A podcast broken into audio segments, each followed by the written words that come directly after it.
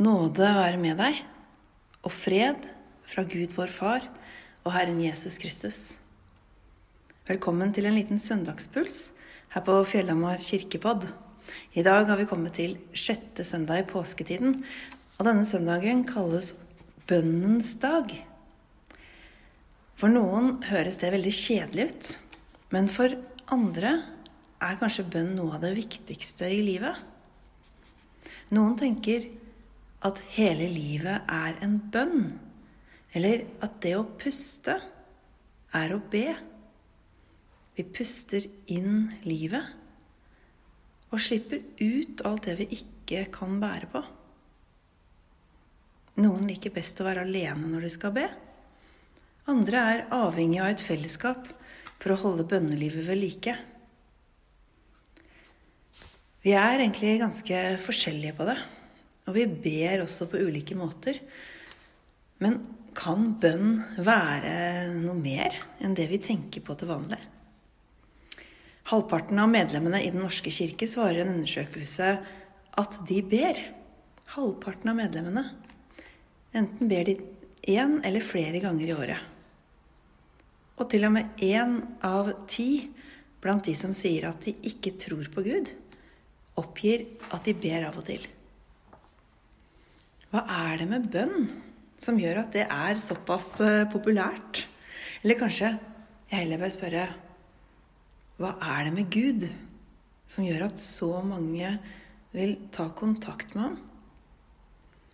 For bønn handler jo om å ha kontakt med Gud. Bønn er å være sammen med Gud. Prekenteksten i dag står i Matteusevangeliet. Den står i den delen som vi kaller for bergprekenen. Der underviser Jesus om eh, noen grunnleggende, grunnleggende ting som har med Guds rike å gjøre. Sånne ting som vi kan strekke oss etter i livet sammen med Gud. Og Der snakker Jesus også om bønn, og han lærer oss den bønnen som heter Vår Far. Jeg skal lese fra Matteus 7, vers 7-12. Be, så skal dere få. Let, så skal dere finne. Bank på, så skal det lukkes opp for dere. For den som ber, han får, og den som leter, han finner. Og den som banker på, skal det lukkes opp for. Eller hvem av dere vil gi sønnen sin en stein når han ber om brød? Eller gi ham en orm når han ber om en fisk? Når selv dere som er onde, vet å gi barna deres gode gaver, hvor mye mer skal ikke da deres far i himmelen gi gode gaver til dem som ber ham? Alt dere vil at andre skal gjøre mot dere, det skal også dere gjøre mot dem. For dette er loven og profetene. Slik lyder Herrens ord. Jo flere ganger jeg leser den teksten, jo mer syns jeg at den lærer meg om bønn. Det er fort gjort å bare henge seg opp i den første setningen. Be, så skal dere få. For hvem er det som ikke vil få? Det er ganske mye vi vil ha. Og det er kanskje mye vi ber om, som vi ikke får. I hvert fall ikke på den måten vi skulle ønske, eller som vi ser for oss. Jeg syns det er litt interessant å se i det vi kaller parallellteksten til denne teksten jeg har lest. Det står i Lukas kapittel 11. Der står det omtrent det samme, men der står det når selv dere som er onde, vet å gi barna deres gode gaver, hvor mye mer skal ikke da Far i himmelen gi Den hellige ånd til dem som ber ham? Den hellige ånd. Vi kan be Gud om absolutt alt. Men det er mange som erfarer også at Gud har mye å gi. Men det Gud alltid gir, det er Den hellige ånd. Det at Gud er helt nær oss.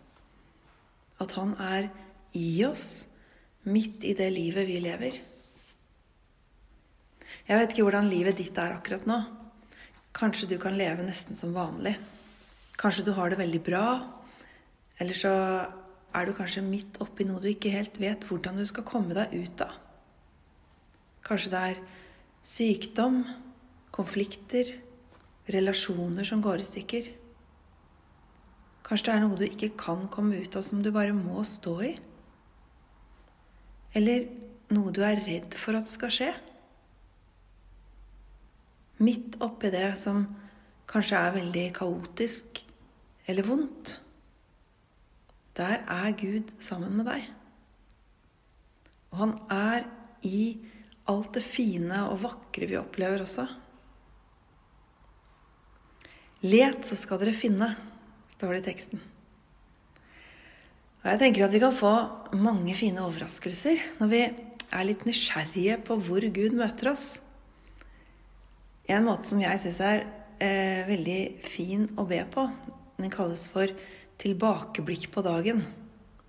Og det er å sette av litt tid en gang om dagen, og så se tilbake på det siste døgnet sammen med Jesus. Tenke tilbake og lete etter hva som ble godt denne dagen. Hva som ga meg noe som jeg har lyst til å ta vare på. Og så takke Gud for det.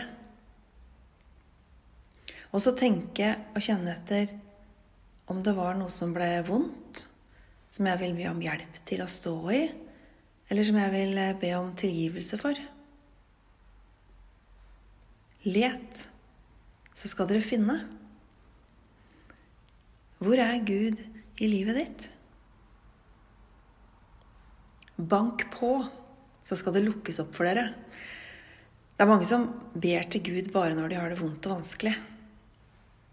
Jeg kjenner også på at det er da jeg virkelig trenger det. Å banke på tenker jeg at handler om å ta kontakt. Om å ville besøke eller å få noen til å komme ut til deg. Mange av oss har lett for å banke på hos Gud når noe er vanskelig. Men kan bønn også være å banke på hos noen av de menneskene vi har rundt oss? Menigheten er Jesu kropp på jorda. Så det å ta kontakt med hverandre når vi trenger det, det tenker jeg at har med bønn å gjøre. Både hvis det er, no er for å be om forbønn, og hvis vi trenger hverandre på andre måter. Det er mange som ikke har så lett for det. Jeg også. Og jeg skulle ønske at det kunne bli annerledes. For det er da vi virkelig trenger det. Fellesskapet. Og det er kanskje sånn Gud vil nå oss med hjelp noen ganger også. Bank på, så skal det lukkes opp for dere. Det er mange måter å be på. Og jeg tenker at Jesus sier til oss i bibelteksten i dag Det han sier der, det kan oppfordre oss til å bli litt mer nysgjerrige på hvordan vi kan være sammen med han. Til å lete litt mer etter det. Jeg er ganske sikker på at hvis du syns at dette med bønn er veldig kjedelig, eller at det er et kjempetiltak, og noe du utsetter og kanskje har dårlig samvittighet for at du ikke gjør nok, eller noe sånt, da har du ikke funnet din måte å be på ennå. Let. Bank på. Prøv å finne ut hvordan du liker å være sammen med Jesus, med Den hellige ånd, med Gud. Du ber kanskje på en måte som du alltid har trodd er den riktige. Men det var kanskje fint for den du lærte da. Men det kan være annerledes for deg. Bønn er å leve i relasjon med Gud. Det er å dele livet vårt med Han og lytte til hva Han vil med oss. Hvordan kan du og Gud best nå fram til hverandre? Jeg kan gi noen eksempler på måter å be på, og så vet du kanskje om mange andre måter. Eller kan finne det ut. Å be, det kan være å synge salmer eller lovsanger. Eller å bare være i musikk på en eller annen måte. Fordi det kan åpne opp noe i oss. Å be kan være å sitte ved et vann i skogen og lande der, liksom. Og kjenne at nå er jeg akkurat her. Og Gud møter oss alltid der vi er. Å be kan være å sitte eller ligge et sted der det er godt å være, puste dypt og rolig og kjenne etter hvordan det er at Gud ser på deg med kjærlighet. Å be kan være å sitte i kirken eller foran skjermen og delta i en felles bønn som noen andre leder. Å be kan være å male eller tegne et bilde ut fra det som bor inni oss. Det kan være et sukk, eller det kan være å tenne et lys.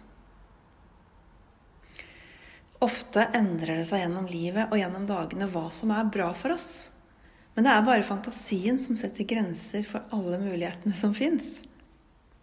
En god måte å be på er det som åpner hjertet ditt mot Gud. Det siste verset i prekenteksten det kan se ut som det handler om noe helt annet. Det er det verset som kalles den gylne regel. Alt dere vil at andre skal gjøre mot dere, det skal også dere gjøre mot dem. Men kanskje det er nøkkelen til en viktig side av det svaret Gud gir oss når vi ber. For når vi ber, åpner vi hjertet vårt og lar Guds kjærlighet slippe mer og mer inn. Og når vi ber om det vi trenger, kan vi kanskje også bli mer bevisste på hva andre trenger. Og jeg tror at vi er mange som har erfart at Gud gir oss noe av det vi trenger gjennom andre menneskers godhet mot oss. Jeg har lyst til å slutte med en liten historie. I fjor så var jeg på retreat på Lia gård. Og en dag så var jeg ute og gikk en tur. Og jeg gikk forbi den eh, fantastiske stavkirken som de har bygga der. Og det er eh, mannen i det ekteparet som starta Lia gård, Sigmund, som har bygget den sammen med mange andre. Og jeg tror kanskje at en av hans måter å be på, det er å bygge ting. Ehm, da jeg gikk tur forbi der, så var han og et par andre på en byggeplass igjen ved siden av kirken. Og jeg har forstått at de holder på å bygge et pilegrimssenter der. Og så ropte de på meg og ba om å ta et bilde av dem. Og så sa de at de hadde bedt Gud om hjelp til å få tatt et bilde av dem alle tre. Og etter at jeg hadde tatt bildet, så Sigmund meg inn i øynene på sin begeistrede måte, og så sa han nå kan du vandre videre og vite at du er et bønnesvar. Det gjorde meg glad. Plutselig kan vi bli et bønnesvar. Sånn er livet med Gud. Be, let, bank på. Vær nysgjerrig på hvor Gud møter deg, og på hvor Gud møter andre gjennom deg. La oss sammen be Herrens bønn. Vår Far i himmelen. La navnet ditt helliges. La riket ditt komme. La viljen din skje på jorden slik som i himmelen. Gi oss i dag vårt daglige brød, og tilgi oss vår skyld, slik også vi tilgir våre skyldnere. Og la oss ikke komme i fristelse, men frels oss fra det onde. For riket er ditt, og makten og æren i evighet. Amen.